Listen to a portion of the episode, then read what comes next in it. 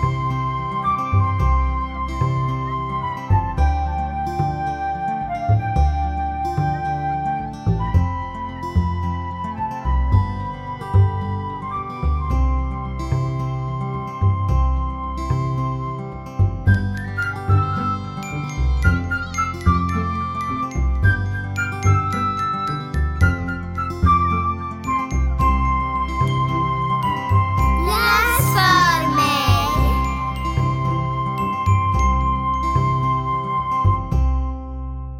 Det. Mm. Och vet du vad Fredrik? Det här är podden Läs för mig. Och jag ska prata i micken Det är hela tiden. att föredra. Och eh, det är avsnitt 60. Wow. Och då har vi en alldeles speciell språksuperhjälte här. Dennis Hjelmström. Vem är du? Ja, hej. Eh, jo, men Dennis Hjelmström heter jag. Som sagt, jag är förvalt- jobbar som förvaltningschef här i Halmstad på barn och ungdomsförvaltningen. Kommunens, eh, det är en stor förvaltning eh, som eh, hanterar våra grundskolor och förskolor i kommunen. Mm. Och kulturskola och en hel del annat också för den delen. Hur många barn? 3000 drygt barn.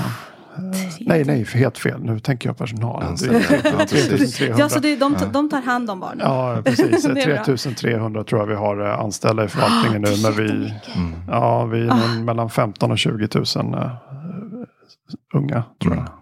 15 och 20 000. Det är lite svindlande. Ja, det är många. Mm. Ja, tänk vad många barn du har. Ja, och är det något mer du vill berätta om dig själv? Ja, jag kan berätta att jag har eh, arbetat inom skolvärlden i hela mitt liv. Eh, innan jag var själv var elev. Sen blev jag eh, lärare. Sen så blev jag rektor. Och sen så har jag varit verksamhetschef. Nu är jag förvaltningschef. Det är väl den vanliga vägen för många i min roll tror jag. Mm. Och jag bor i Lund med familj. Men vi har också en lägenhet här i Halmstad. För pendlingen kan bli, kännas lång ibland. Mm. Om Det vet vi om. Mm. Ja. Ja. Och är från Stockholm. Om det är någon som reagerar på direkt. Nu har man hört här Skåne, Halmstad. Jag låter inte som att jag kommer från vare sig Skåne eller Halmstad. Jag är från Stockholm ursprungligen. Stockholm. Ja. Mm. Tack för den presentationen. Vi samlar ju på språkminnen här. Språkminnet! Mhm. Och vi skulle jättegärna vilja ha ett språkminne från dig. Mm. Ja, ni har fått höra det säkert förut, men den är ju klurig den där. Jag Mm. tänkte ganska länge på den. Eh, Jag ska helt ärligt säga att jag, eh, jag, jag började i den ändan jag trodde jag skulle börja i och fundera på just det. Vad menar man här med språkminne? Men jag kom inte på något sådär eh, enskilt tillfälle då något eh, uttryck eller så har fastnat. Så jag började associera fritt och sen så började jag istället tänka på en grej som, eh, som vi alla känner igen. Eh, Och alla har en fascination över det här med hur man minns någonting som man har lagrat i sitt långtidsminne. Mhm. Som till exempel låttexter och hur vi kan bli fascinerade av hur vi liksom kan sjunga med en låt som vi inte har lyssnat på på 30 år. Mm. Bara för att vi en gång i tiden eh, sjöng med väldigt länge och mycket i den Mm. låten. När vi var barn till exempel. Mm. Um, och då slog det mig att vi har väl en hel del sådana här ehm, så jag började tänka på det här med minne, rätt bokstavligt. Att vi, liksom, eh, att vi minns saker som har med språk att göra om vi har eh, nött det tillräckligt. Jag har en sån här ko- jättekonstig, alltså det, och det är verkligen en jätte, jättekonstig grej som, som folk börjar titta konstigt på mig när jag säger, jag säger så här. Ruben Isaska Manasse Zebra Nase Dan Efraim Gad Naftalud Simeon och Benjamin. Ja, är det, Det är en sån här eh, rabbelgrej. En sån här Mm. konstig grej. Och jag, det finns ingen särskild anledning till att jag kan rabbla den annat än att min pappa kunde rabbla den. Ja. Och jag var fascinerad över att han kunde dra det här. Det är väl Israels första ursprungliga biblisk- stammar. Ja, det. och de liknar Jakobs söner. Men det, är, Ja. det finns en liten variation där. Ja. Ehm, och det, har ju, det är ingenting jag går och rabblar och tränar på idag. Men en gång när jag kanske var 9-10 år så lärde jag mig att rabbla den där. Och så Mm. där sitter det liksom. Så det är fascinationen inför språk och minne på ett Mm. bokstavligt sätt. vad roligt att få den Häftigt. vinklingen Ja. på det. ja, Ja. verkligen. Och tack, för Tack så det. mycket. Och vi, kan vi säga, upptäckte dig. Precis, genom Kan att... säga, ja, jag tänkte. Anledningen till att vi fick upp ögonen för dig och ville bjuda in dig var att för... Ja, det är ju ett tag sedan här nu, men det var, det var ju i våras då, eller efter terminen så fick vi ett mejl från eh, vår dåvarande chef som sa det här vill ni läsa. Och så var det det brevet du hade skrivit ut i Unikum till alla föräldrar och barn i, Mm. som, ja, inför lovet helt enkelt. Och det är så mycket fina grejer men en av dem som såklart eh, gick rätt in i våra hjärtan var ju den här lilla passagen. Varför inte planera ett besök på biblioteket inför alla lediga dagar? Jag skickar med en vädjan om att du ägnar mycket tid åt läsandet i sommar. Läs allt möjligt. Läs ofta och läs både för ditt lärande som för nöjes skull. Du kan färdas genom övernaturliga fantasilandskap, gömma dig under täcket tillsammans med monster och spöken, lära dig allt om hamstrar eller skratta åt kalanka. Det viktiga är att du ägnar tid åt texten och ger dina tankar fler ord och större världar. Detta är ett av mina viktigaste råd inför ledigheten. Resten av din skolgång och livet i övrigt. Det, det, det, är därför, det är därför du sitter här idag. Att vi blev så nyfikna på dig. För det, är- det här eh, kändes så härligt. Det här är en som, som eh, har förstått, tänkte vi. Någon som har förstått. Vad är det du har förstått, Dennis? Ja, men det, det där är, det är inget ovanligt budskap som jag ger ifrån mig faktiskt. Jag har gjort det flera gånger och eh, passar på vid särskilda tillfällen. Som vi till exempel redan när jag var rektor själv och hade ganska stora samlingar föräldrar och mor och farföräldrar och sådär. Och barn eh, samlade framför mig så gav jag ifrån mig också de här budskapen. Att läs, läs, läs. Ehm, och det, alltså det bygger ju på, det här är jag har kopiöst intresse för att förstå hur människor funkar och vad som utvecklar oss och så. Så att det här är ju inte någon slogan bara för mig utan är väldigt grundad i, i eh, övertygelsen om hur otroligt fundamentalt språkets betydelse är för oss och hur läsning är i sin tur fundamentalt för språkutveckling. Mm.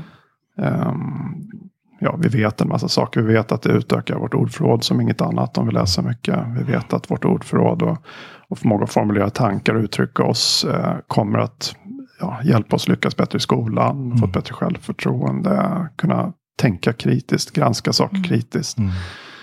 Eh, allt sånt där som i sin tur innebär framgång på ett eller annat sätt i livet eh, är på något sätt grundat i, i språk och läsning. Mm. Eh, så att jag passar på, tar alla tillfällen. Mm. Mm. Ja. Men jag vet ju också att du vill även förankra det i skolorna Mm. med lästid, Mm. mer lästid. Mm. Nej men så är det. Det finns ju en, det finns ju en eh, man kan ju, eh, nu har jag nämnt alla de här positiva delarna och eh, man kan också vända på det. Mm. Och det vet vi ju nu att lästiden den minskar generellt sett bland barn och unga. Som läser mindre och mindre. Och eh, nu memorerar inte jag all statistik. Men det, man hoppar till, de flesta hoppar till när man får veta hur eh, mycket sammanhängande text ett barn läser under exempelvis en dag eller en vecka. Det är nästan Mm. ingenting längre. Nej. Eh, Den här det vi kallar attention span, det minskar. Man Mm. orkar inte läsa långa texter. Eh, Det måste vara korta, snabba texter. Jag märker att vi har börjat ersätta text, information som baseras på text med video numera. Mm. Oftare för att fler och fler önskar det mediet istället. Mm. Ehm, jag, jag vill inte bli kategorisk och, och, och säga att det ena är dåligt och det andra är bra. Nej. Men jag står fast vid att läsning, det får liksom man inte kompromissa för mycket med. Mm. Och ersätta med andra typer av information. Mm. Eh, Så att jag vill, eh, jag är väldigt tydlig med det i, ut mot skolor, även här i Halmstad då. Mm. Att eh, jag vill att inga barn lämnar lågstadiet utan att ha en adekvat läsförmåga. Mm.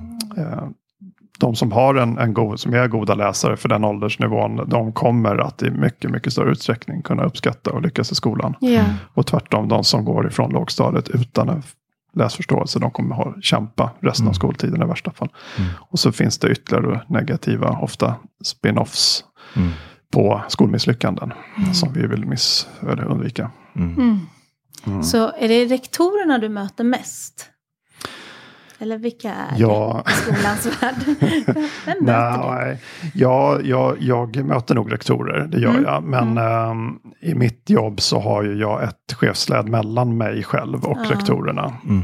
Eh, Så att de som träffar rektorerna ännu mer än jag, de kallas Mm. verksamhetschefer Ja, på BUF. så det är de du träffar mest? Ja, precis. Mm. Men sen, sen använder jag ju mina, ja men nu får jag sitta i en podd och berätta om det här. Jag hoppas Ja. att någon rektor kanske lyssnar på den. Och, Mm. Eh, får skriva brev ibland till eh, hela förvaltningen och, och sådär. Mm.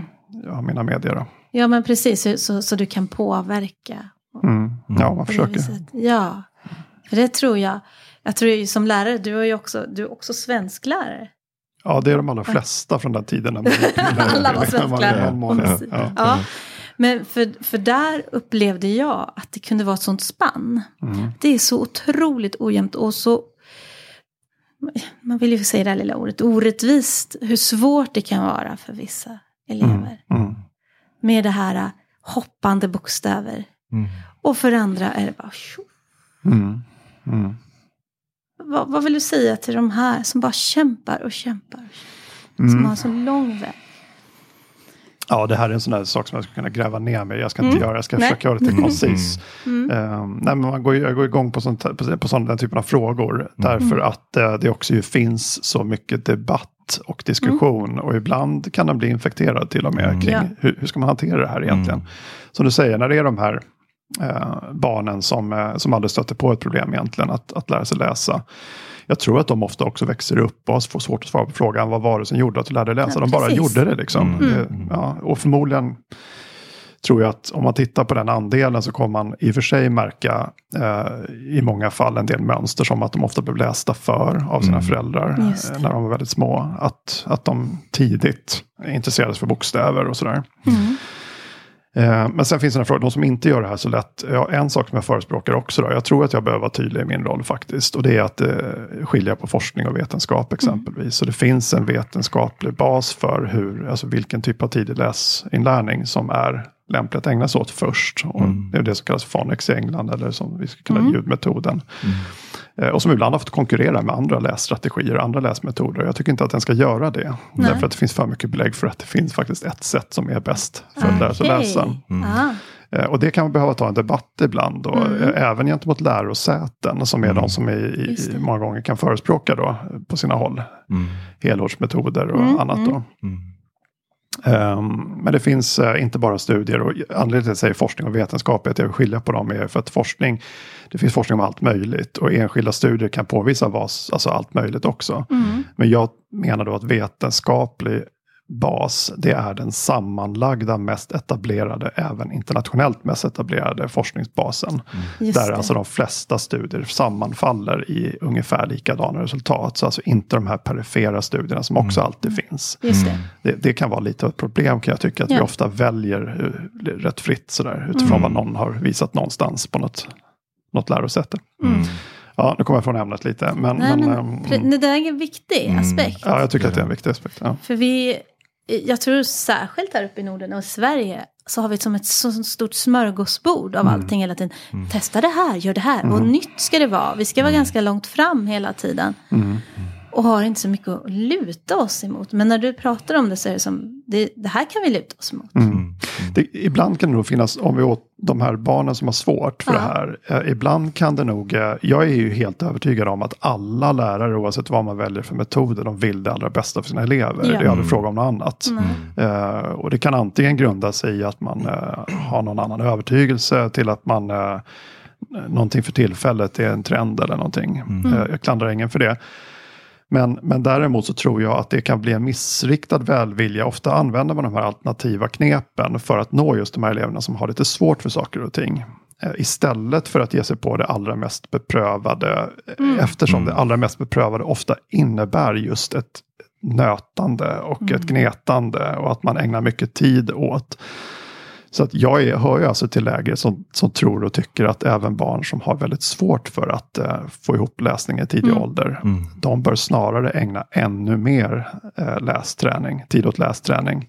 Än att ersätta den med till exempel att spela in all text och bara lyssna på den. Just och, det. Och sådär. Så att det skulle kunna vara en björntjänst man gör då. Ja, om, man nu, om jag nu är väldigt, nu generaliserar jag, Ja. för att det kan finnas Mm. tillfällen Ja. när man behöver spela in och Särskilda. lyssna. Men, men Ja.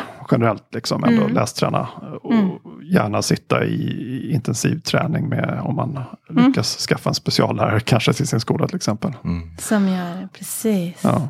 Det blir en balansgång det här med liksom att, som du pratade om innan, det här med eh, video, alltså vi tar till oss det, det budskapet och då blir det liksom en tillgänglighetsfråga. Alltså just med det här, det är inte bara i skolan utan alla, alla ställen där det ska ut viktig information. Då behöver man ju se till att alla förstår, men samtidigt så sänker man ju också hela tiden ribban för vad vi Alltså om man sänker hela tiden förväntningarna så Ja. blir det också svårt att, eh, ja det är klart att det är lättare att titta på en video liksom. Eh, och Det, finns olika nivåer. Ja.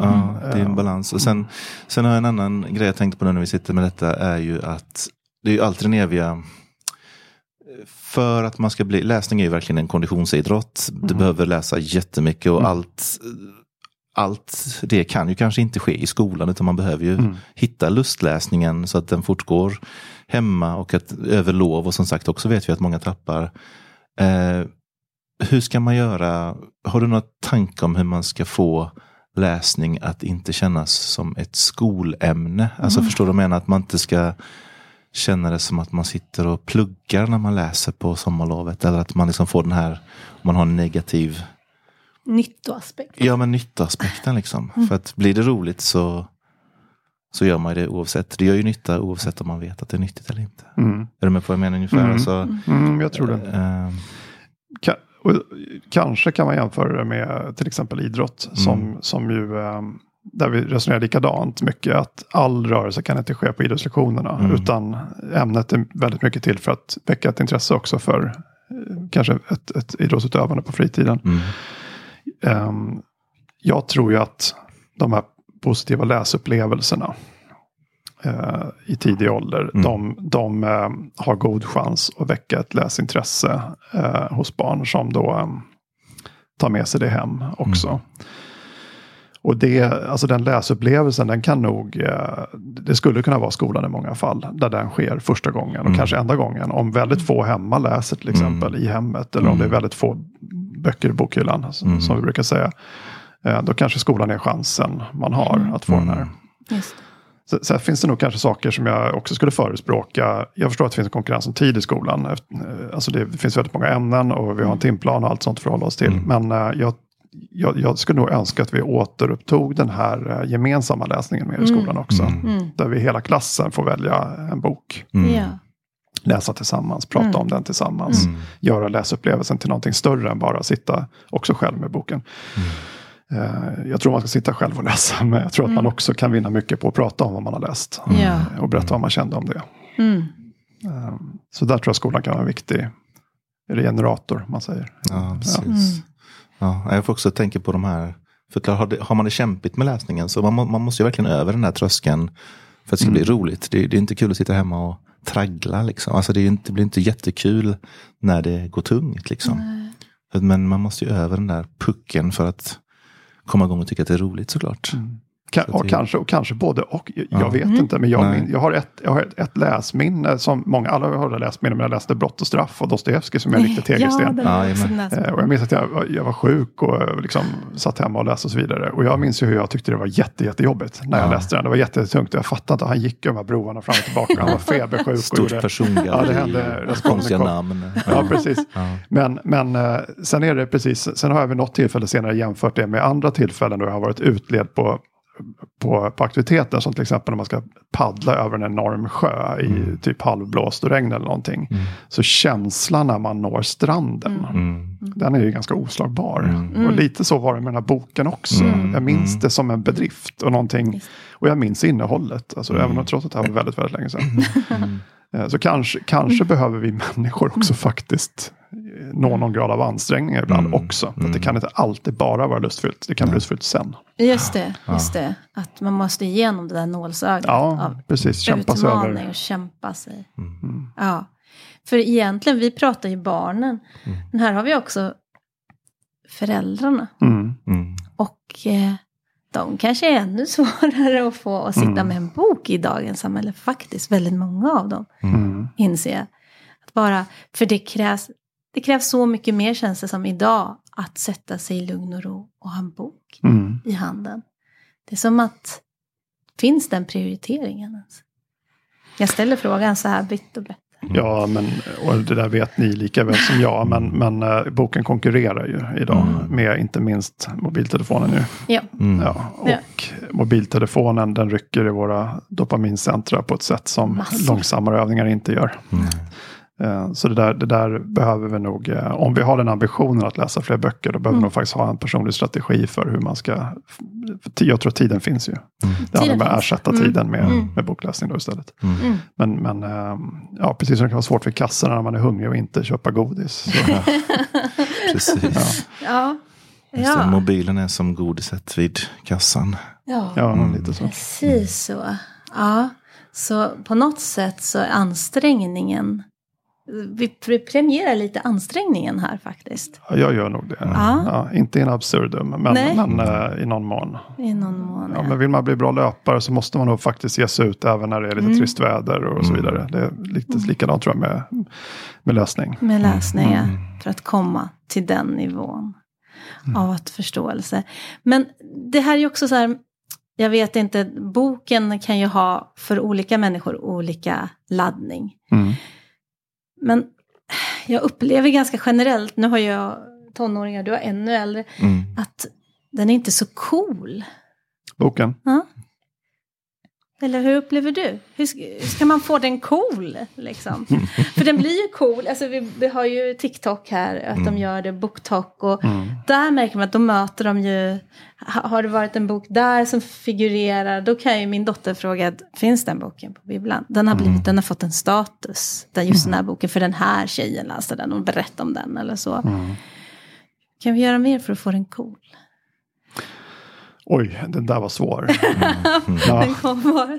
ja. Ja, Nej, men alltså, vad, hur blir någonting coolt? Liksom? Ja, det är väl... något eh, coolt? Ja, det, och det är väl... eh, Ska vi gissa tillsammans? Ja. Ja, alltså, det som blir coolt det är väl det som de flesta i min omgivning som jag ser upp till och som jag tycker Ja. på något Mm. sätt som de förespråkar då, i Mhm. första hand. Eller ägnar sig sin tid åt. Vi är ju gruppmänniskor som gör, Ja. gör, gör som andra. Mm. Um, men sen är det också det här tror jag att det som då får fäste snabbt det är ju sånt som um, triggar, triggar oss snabbt. Mm. TikTok har inte jag, min dotter, hon har inte heller TikTok. Hon har faktiskt valt bort det. Mm. Eh, vi har inte infört något, något förbud. Däremot så för länge sedan när det började populärt så pratade vi om hur det Ja. kunde vara en god vits att strunta i det. Och det satte sig som väl i hennes Ja. fall. Mm. Eh, trots att hennes kompisar har det där. Jag vet inte, det kanske är en fråga om integritet i någon mån. Och någon, någon, eh, att man lyckas bilda sig någon idé om att det, det, som, är, det som har betecknats som eh, intellektuellt eller eh, ja, till och med kanske lite nördigt Ja. skulle Mm. säga. Mm. Precis. Att, att det, kan, det kan vara en cool identitet att Ja. skaffa sig. Och men då kanske man får, ta- jag vet inte, det kombinera det med något. Nej men vi har väl alltid, har vi inte alltid kämpat, även på min tid, alltid Mm. kämpat lite med den här som satt i ett hörn med en bok. Det var kanske inte den som eh, den eleven då i klassen som, Mm. som alla tyckte var den allra ballaste. Utan det var väl den som härjade runt på skolgården och Just det. hördes mycket och så. Precis, som kanske slogs med en bok eller något. Men ja, Nej, för jag tänker för att du har ju skrivit en lärobok och som introverta. Ja, det, ja, det har jag Ja. också gjort. En liten handbok. eller Jag gjorde en liten brygga nu Fredrik, men ville du? Nej men jag bara tänker, jag, jag tror att innan vi lämnar det här med liksom, jag, jag tror att du är jättemycket inne på det här med att eh, gemensam läsning och prata om det läsa. För det vet vi ju att de som man lyssnar mest på när det gäller tips om vad man ska läsa, det är ju klasskamraterna. Ja. Alltså jag menar, läraren är sin sak, bibliotekarien är sin sak, men den man litar mest på ett omdöme om en bok, det är ju klasskamraten, liksom, eller vännen. Liksom. Så att det, där tror jag vi är. Vi var, är något på spåret där? Ja, men jag tror det absolut. Att då blir det... För jag menar, det, det är ju... Jag tror det är boken som medium som då i så fall kan vara lite ocool. Men jag menar, det finns ju hur mycket coola alltså, och, och häftiga och fräcka berättelser. Alltså, det är berättelsen när, man kommer, när man kommer förbi, förbi själva mediet. Och, och ifall då läsning kanske känns ocoolt eller som för mycket som ett skolämne eller för mycket som något eh, som har en negativ konnotation. Det är, man behöver ju förbi den biten. Så att jag tror absolut att när man liksom delar en jättehäftig läsupplevelse och pratar om det, då, då blir det nog coolt. Då, är, då kan man se det filmiska i det, Ja, men jag tror det. berättandet. Jag tror det. Ja. Sen, sen kan man väl ha en olika uppfattning om vad som, alltså hur man är cool också. Och jag tror att Ja. de här Mm. bokläsargänget som finns Mm. ehm, i de flesta klasser också, Mm. de här fem, sex, sju stycken som, som läser mycket och som har det gemensamt, Mm. de, de kanske faktiskt talar om för varandra att vi är rätt coola som Ja, läser böcker. precis. Jag tror det. Mhm. Mm. Ja, det handlar också om att det är rätt på. Vi hade ju, men min, min skolgång så var jag så pluggandet var ju aldrig liksom, det, det som gällde var ju liksom sport eller liksom så här. Det var ju det var inte coolt att kunna vara duktig på någonting som, som hade med läsning att göra. Men jag hade faktiskt ett, när jag typ i högstadiet, de här ja, men coola, en väldigt cool kille som var väldigt framgångsrik i sport och allt. Det var cool, han var en läsare liksom. Och då, då blev det också en att, att någon legitimerade liksom. Det är ju jätte... Och det är ju coolt när någon bryter mot fördomar Ja. man kanske har om att man antingen idrottar Ja, men eller är en boknörd. Ja, men liksom. exakt. Så när den här coola killen plötsligt också var en som jag läste ja, mycket. Då, då, blir det ju, då, då blev ju läsning lite svårare att racka ner på. Liksom. Så, mm. Tillbaks till din det, brygga. Men, ja, men Ja. berätta om, om de här introverta. Du har snokat reda på den, har du Ja, go- googlat? grann. Ja. Ja, ja, jag har mina källor. berätta, hur kom det sig att eh, du skrev den boken? Ja, men det där är också specialintresse då som Mm. har växt fram från lärartiden. Ehm, det handlar ju då om eh, introversion och introverta elever specifikt. Och introversion ska man då förstå som en av de här fem dimensionerna i femfaktorteorin. På tal om Mm. vetenskap som Mm. är den enda eh, liksom, belagda. Vi har de här um, rörelserna över de här olika dimensionerna. Mm. Eh, alla vi människor och lite oberoende av kultur eller tidpunkt och var vi är i världen och så vidare så ser vi att de här generella mönstren finns. Mm. Så det är ju så såklart alltid, måste alltid ha med den här reservationen att vi är framförallt människor som är individer och liksom med alla variationer och så. Det, Mhm. Vi talar hela tiden väldigt generellt så. Men det började när jag var lärare. Eh, jag eh, såg den här gruppen elever som vi alla har sett. Eh, vare sig när, om det var när vi gick i skolan eller om vi varit lärare själva som, som drog sig undan. Mm. Eh, och framförallt eh, kanske vid tillfällen när det blev väldigt allmänt stökigt. Sådär. Det kunde vara i matsalen eller i, på rasten om det var kapprum och så. Eh, till och med elever som satt under trappor eller stängde in sig på toaletten Mm. och eller gick Mm. iväg bakom buskar. Och, Just det. ja, det var massa saker samtidigt. Men det jag kunde höra var att mina lärarkollegor, de pratade ofta om de här eleverna som eh, att de, eh, ja, de var lite av ett problem. Hade de Mm. kompisar? Var de eh, osociala? Var det något som var fel? Mådde de inte bra? Och när jag reflekterade över det där så kunde jag komma på att som hade pratat med de här eleverna många gånger att eh, ja, och framförallt var de blyga. Mm. Var de liksom, vågade de inte. Och de fick höra i utvecklingssamtalet, du måste ha för dig mer, du kanske skulle kunna umgås lite mer med kompisar, hur är det fatt och sådär. De här eleverna, många av dem, var vare sig blyga eller ansåg att de led av ett eh, avsaknad av umgänge egentligen. Utan vad introversion och extroversion för den delen då eh, handlar om, det är ju energi. Mm. Vad vi får energi ifrån, hur vi kan liksom känna oss vakna, eh, ja, uppfyllda av liksom en energi. Och där är det konstaterat att vi i, i huvudsak är lite olika i det avseendet. Vissa människor får väldigt mycket energi av att vara med andra och i sociala sammanhang. Eh, ofta är det samma personer som tycker om eh, snabba turbyten i samtal och som bryter in och är ganska animerade i sina rörelser och, och sådär. Eh, Även sånt triggar ju då våra förväntan. Det händer jättemycket i hjärnan när vi har människor och deras mimik framför oss och sådär. Det händer även med introverta människor. Men eh, det kan, bli, det kan bli lite för mycket. Man kan bli overloaded så att säga. på sånt här. Så att de personerna får i huvudsak sin energi av att vara själva. Av att vara ensamma, hitta ensamhet. Det som händer med de här eleverna som då ändå befinner sig i en skola som förespråkar extroverta ideal främst. Som är en extrovert arbetsplats. Och där man ofta som elev eh, märker att det finns en förväntan på mig att jag ska vara på ett annat sätt än på det sätt jag får mest energi av Ja. Eh, så blir det här tungt och tufft. Eh, Och, och dessutom så kommer man ofta känna sig missförstådd för man får höra från lärare att hur är det fatt och är du blyg och så. Eh, De här eleverna som jag pratade om, var inte blyga som sagt. De var inte alls rädda för att säga vad de tyckte eller tänkte. De ville bara, de ville liksom orka med skoldagen. Mm. Just det. För det de gör, introverta elever, det är att de skådespelar många gånger hela dagen. De tänker inte på sig själva som jag är introvert och jag får energi av det här, utan de bara gör det. Va? De, de instinktivt känner ju att jag blir urladdad. Jag, måste, jag orkar inte med ljud, rörelser, allt. Jag går undan. Mm. Eh, Men de flesta försöker stå emot det och spela extroverta för att alla vill bli socialt accepterade. Det. Och det blir man främst om man är utåtriktad och pratar mycket och hänger och sådär. Va? Ehm, så lite grann en upprättelse för den här elevgruppen. Ja. Vill jag skriva en, en, helt enkelt skriva till framförallt lärare om den här gruppen och ett vanligt missförstånd som finns kring dem. Då, att introversion är inte samma sak som blyghet. Nej. Det handlar om energi. Mm. Och att jag tycker till exempel när man bygger nya skolor eller när man arrangerar eh, samtal eller undervisning. Det finns väldigt, väldigt mycket man kan göra för att möta både vissa elevers behov av att vara uttrycksfulla och extroverta och elever som har ett mindre behov av att vara så.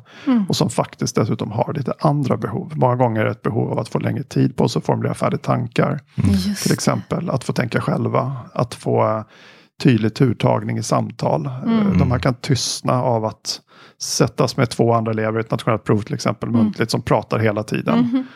Eh, Medan läraren ofta kan sätta den här introverta, lite tysta eleven med de här två i förhoppning om att den ska börja prata ännu mer. Just det. Mm, Just det. Så det, det Åh. finns en massa sådana här vanliga missförstånd kring den här gruppen. Ja. Eh, och den är stor, den är, den rör, det rör sig de flesta mätningar eller uppskattningar, det rör sig upp mot en 30 procent som har en, en introvert dragning. Ska man, säga. Man, är inte, man är ju inte antingen introvert eller extrovert. De, nästan Nej. ingen är fullt ut och de flesta är ambiverta kallas det någonstans i mitten. Ja. Men man kan ha en Ja. dragning. Va? Just det. Eh, ja. Så den boken skrev jag. Det känns oerhört viktigt. Ja, jag. verkligen. Ja.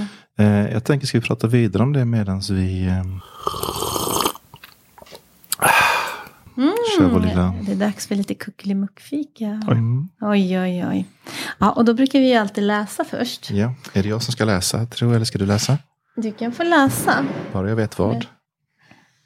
Ni har, ni har gömt, gömt det där under en korg. Du har inte tänkt Nej, jag har inte... Nej, vi- Vi ska göra det lite så här smidigt.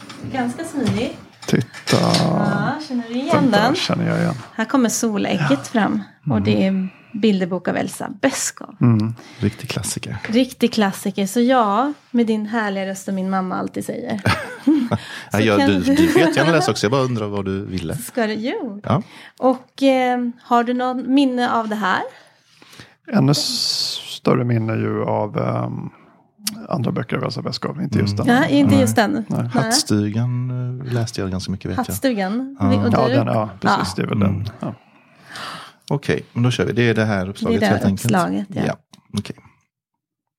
En dag när Elvan var på upptäcktsfärd i skogen fick hon se något stort gult runt som låg i mossan. Oj, ett sånt stort ägg, tänkte hon. Var i all världen har det kommit ifrån? Hon tittade rakt upp och fick se ett ljust hål i molnen alldeles ovanför. Nu förstår jag, tänkte hon. Stackars solen har tappat sitt ägg och kan inte hitta det för att molnen är i vägen. Och så sprang Elvan fort, fort för att berätta den stora nyheten för sin vän Kotte. Mm. Mer? Nej? Den stora Ja, nyheten. den stora nyheten. Då kan vi, vi som inte... Bilderböcker är ju inte så, vis, eller inte så... De är mer visuella än vad poddformatet är. Men här har hon alltså hittat en apelsin. Så Kolla vi ska käka guldägg. solägg idag. Ja, solägg. Ja. Och eh, vänta, jag ska hämta. Det såg så. Förlåt Janne, du sprang ifrån micken. ja, jag kan berätta att du sprang och hämtade en kniv. Så att vi kan slippa kanske skal... eh, Vi, ska jag skala dem? Eller ska jag, du? jag kan klyfta lite. För kan jag- men jag klyfta tänker lite. att jag, Ty- Äter du apelsin? Ja, ja, absolut. Mm. Ja. Jag Ja. kan ju ställa, som sagt, tycker du då, om man tänker på de här eh, introverta eleverna, eh, om man ser till betygskriterier och bedömning och aktiviteter och skolans ganska konf, belöning av ganska konforma grejer, tycker du att de har en ärlig chans att få samma bedömning som sina mer extroverta klasskamrater? En lätt Jag, vill, jag vill tro det. Ja. Eh, jag, jag, jag, tror att, jag tror att det kan, eh, jag tror att variationen kan vara jätte, jättestor. Ja. Men jag har ju... ehm, jag, tr- jag tror att även lärare till exempel är ju människor. Såklart. eh, Och eh, är, kan vara antingen utpräglat extroverta eller introverta själva. Mm, Och om det stämmer att vi ofta utgår från oss själva när vi bedömer andra. mm, eh, Eller på något sätt uttrycker en förväntan inför andra på hur de ska vara och vad som är, vad som är bra att vara. Så då kan det nog variera lite grann beroende på vilken lärare jag har. mm, Visst kan jag själv tänka mig exempel. eh, Jag har exempel på, från när jag själv var lärare med lärarkollegor som var väldigt utpräglat extroverta. ja, Och jag beskriver en av dem i den här boken också. Som faktiskt är en, en autentisk har en autentisk figur bakom sig. Det var en, en, en lärare som hade ett väldigt stort behov av att röra sig mitt i lektioner. okej. Ja, och liksom, eh, jag behövde det helt enkelt. Men, men som också gick runt med ja, villfarelsen får jag nästan säga att alla elever har samma behov. Okej. Just Så, det. så han, han införde säkert tre, fyra olika gympapass under sina 40 Under skoldagen? Ja, ja, ja. Oj, Eh, Tills, eh, ända tills eh, en, en mindre grupp elever eh, smög sig bort till rektorsexpeditionen och berättade att de led väldigt mycket Nej. av detta. De, Ah. kunde liksom inte, de fick inte hålla i någon uppgift och de kunde inte... Då. Mm. Återigen, välvilja från läraren. För han hade läst att ja, men det finns myelin längs nervtrådarna och det stimuleras av rörelse och alla måste röra sig och man ska ha såna här brain breaks och sådär. Och det finns ju till och med koncept för sånt. Men, men vissa elever trivdes inte med det här.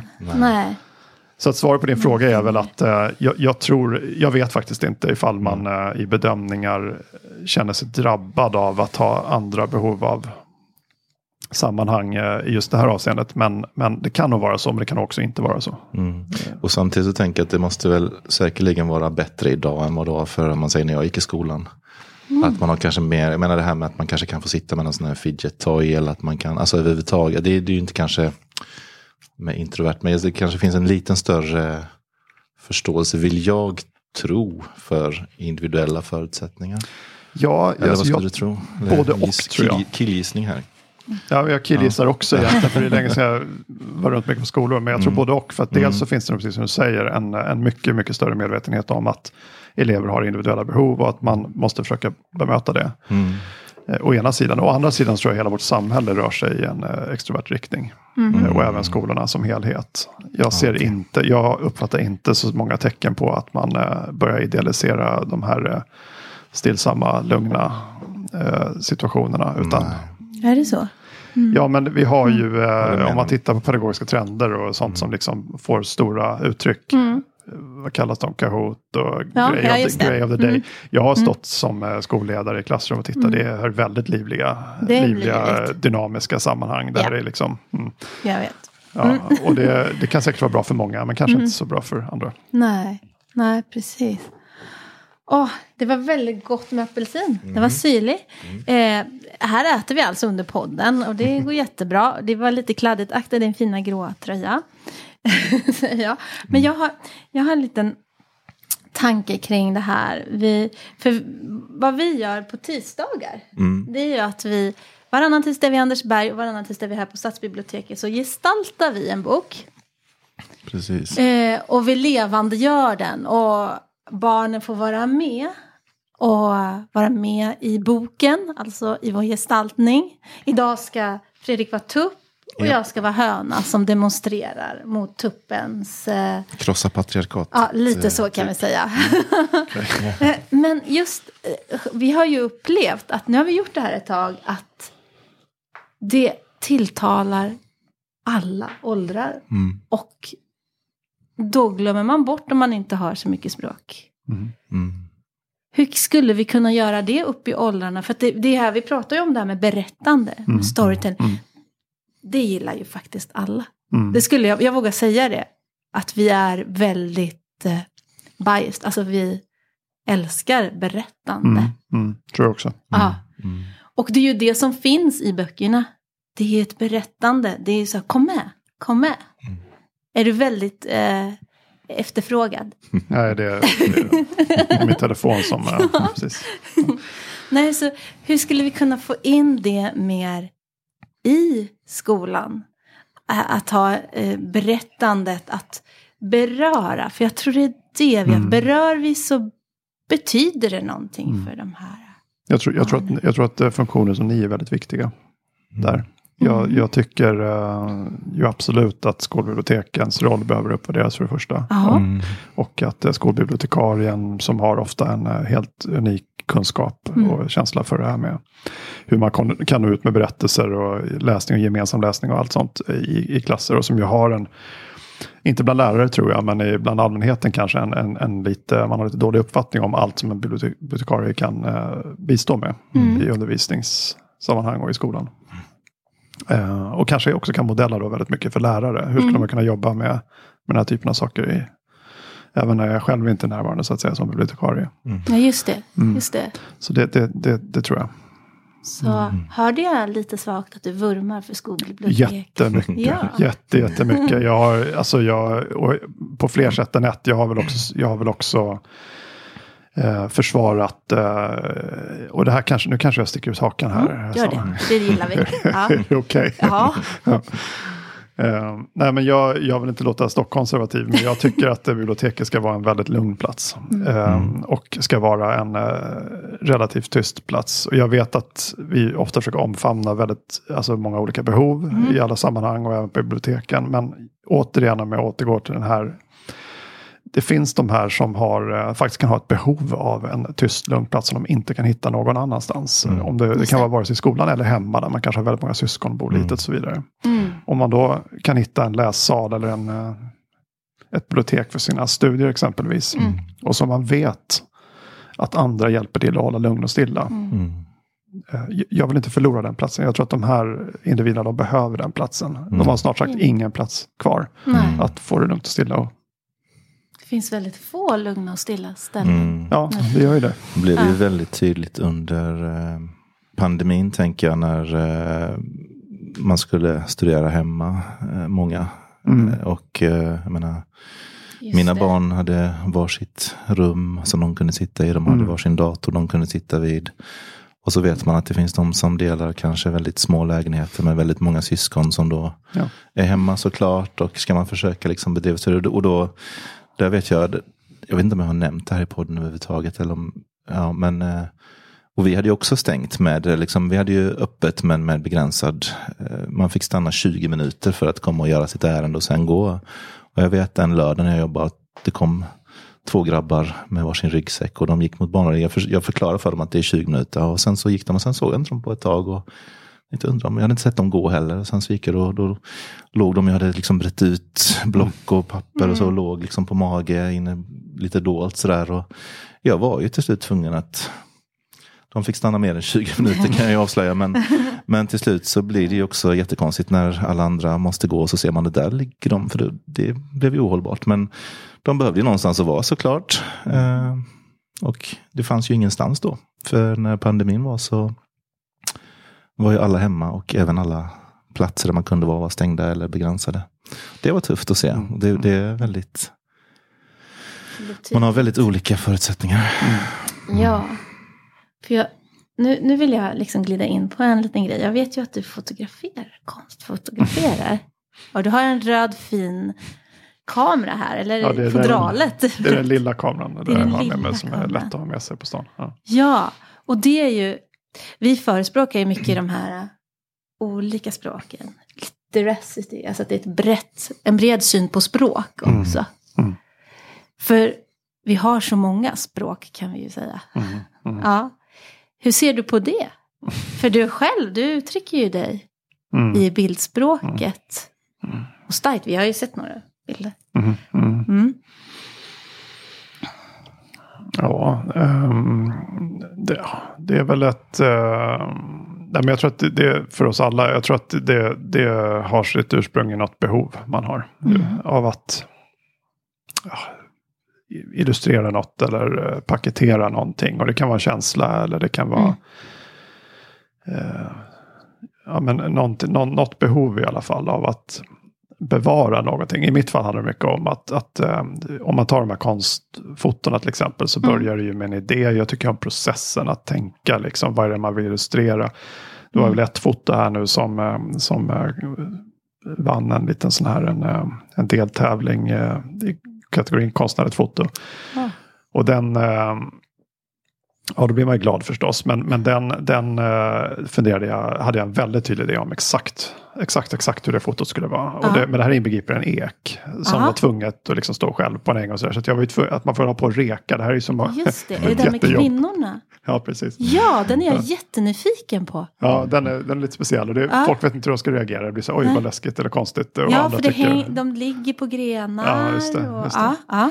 Men det är ju, det är ju, liksom, det är ju naturen här va, som, Mm. har, som har dött och, och, Ja. och sådär. Och mötet människa. Och, Ja, eh, gå in jättemycket på det. Men, men det, är, det är häftigt att få manifestera en, eh, en tydlig idé man har. Mm. Och att, den är, att folk reagerar olika, det är såklart, eh, jag vet inte vad man har räknat med, men det är bara positivt tycker jag. ja, Eh, Vare sig man tycker att det här var lite obehagligt eller det. det. här var otroligt fascinerande eller, Mm. eller vad det kan vara. Så är det kul att folk reagerar. För det är väl syftet med Mm. någon konstnärlighet också. just det.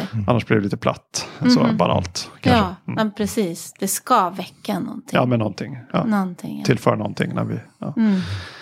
Eh, Så tror jag för alla, som, vare sig man hugger i sten eller eh, drejar eller fotar Mm. eller målar eller vad det är. Så, så jag tror att det, det, det har sitt ursprung i ett faktiskt behov. Mm. Det, av att ja, manifestera något. Mm. Just det. Mm. Få ge uttryck för någonting. Ja. Mm. Och det där skapandet kan ju jag uppleva att det lätt blir lite styvmoderligt behandlat i skolvärlden om jag ska vara krass. Kanske. Eller att jag, jag märker mina barn också att de säger själva att eh, ja, men det är inte så viktigt med musiken och med bilden. Och så, det är inte så viktigt. De viktigaste är ju ändå och, där. och jag är ju kulturaktivist. Det- de vet också vilka punkter de ska trycka på. Men, men eh, hur ska vi göra för att alla ska förstå hur viktig kulturen är? Det var bara en liten fråga. Så här. en liten sido. Förlåt Fredrik, jag fick alltid komma. Men alltså, ja, ja, för ett samhälle. Jag tänker på, jag tänker igen på Sokrates som pratade om att ja, man behöver en bra gemenskap, en bra, armé. Han pratar om allt i staten. Och så kom man till, men de sköna konsterna, har vi inte det så kan vi inte ha ett högutvecklat samhälle. Nej. Mm. Nej, men, och vi relaterar ju alla till den eh, hela tiden. Vare sig vi Ja. förespråkar en eller andra. Kanske Mm. omedvetet, men vi relaterar ju alla till, till eh, konstnärliga uttryck genom historien. Och, Ja, och, och det vi ser och det som händer idag. Ehm, ja, nej men, och det här med att värdera, vad som värderas i världen, den är ju jätte, jättesvår. Vi vet väl att det, vi, har problem, vi har ju motsvarande problem med, om man tar gruppen flickor och till exempel de här så kallade STEM-ämnena, så är det också ett problem, säger vi, Mm. att vi är så få flickor som är intresserade av eller vidareutbilda sig inom matematik och naturvetenskapliga just ämnen. och det. Just det. Eh, och, och ett praktisk-estetiska ämnen som, som du nämnde, estetiska uttryck, kan, kan nog ha en underordnad roll också då på hel gruppnivå. Om man säger. Och sen säger vi att eh, något tredje ämne är underordnat eller överordnat. Jag tror att vi har överhuvudtaget, jag vet inte varför vi håller på, Nej. jag vet inte vad som styr, ska jag Nej, säga, nej, den nej, här men vad är det underordningen. som styr? Nej, precis. Eh, Men återigen så kanske det är det kanske är det man ser framför sig som typiska karriärvägar i livet. Vad som ger något allra mest. Och är man fotograf bara så kämpar man nog oftast ganska mycket med. Det är som en fotbollsproffs. Väldigt få kan liksom bli väldigt, Mm. eh, alltså tjäna väldigt mycket pengar exempelvis på, på att vara konstnär. Eh, Några få kan det. Men de är väl kanske för få för att eh, föräldrar hemma skulle förespråka att det här är det du Precis, ska satsa på. precis, precis. Ja, men det spelar väl liksom hur skolämnena värderas. Är väl hur samhället värderar Ja, de det, det förmågorna är ju en sen. Som sagt, som du säger, det är Ja. svårt att försörja sig inom vissa ämnen helt enkelt. För att de inte är så högt värderade. Mm. I, eh, mm. Jag tänker vi behöver göra det här Carolina. Jag vill ju inte sluta. Nej, Du är vår språksuperhjälte så nu ska du få medalj Ja. här. Tack. Och eh, sen. ja, och så får du en liten så du vet, kommer ihåg vad den heter, podden. Just det. Men vi undrar ju, har du någon språksuperhjälte i ditt liv? Eh, ja, ja, och jag, jag, jag tänker så här att ett typiskt svar. Jag, tänker, jag, jag har några, får jag ta några? Jo, du får ta några, absolut. det är helt Ja, okej. försöker vara lite snabb.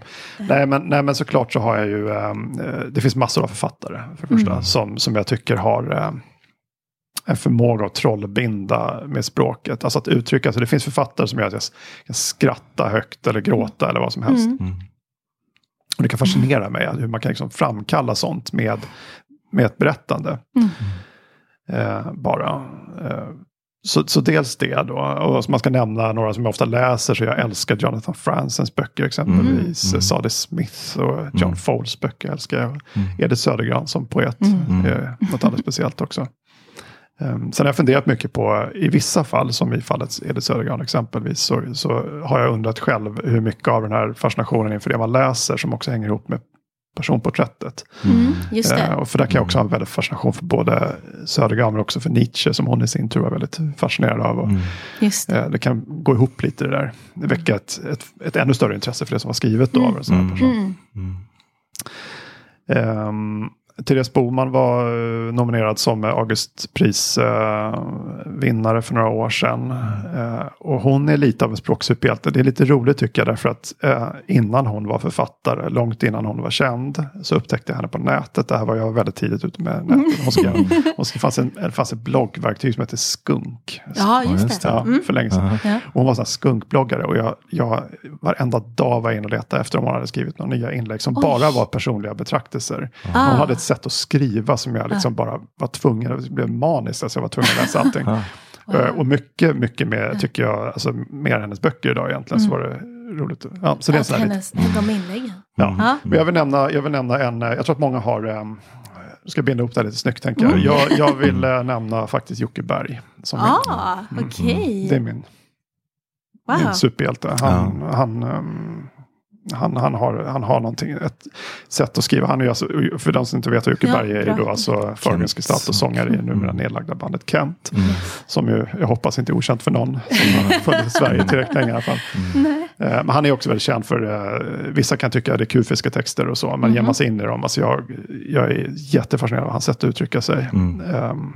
Och är säker på att det går att tolka på olika sätt och så, men, men eh, Mm. jag tror också han har, gjort, han har gjort otroligt mycket, och hela bandet har gjort otroligt mycket för en grupp eh, unga människor som, eh, som återigen ska säga, så lite introverta typen. Mm. som, Mm. ja, som inte riktigt hittar sin plats i livet kanske Mm. tidigt. Absolut. Jocke Berg. Ja, snyggt. Wow. Har vi aldrig haft med som språksubjekt. Nej, det har vi inte. Eh, och han har ju skrivit till många andra artister också. Det är, Dessutom. ja, han är ju verkligen en språklig artist. Mm, tack för det. Tack.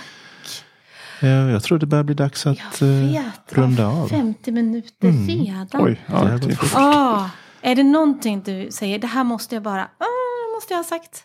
Nej, jag har inte laddat sådär för någonting. Men, För vissa men, har eh, ibland liksom, bara när kommer det, när får jag säga det här då? Mm. Ja. Ja.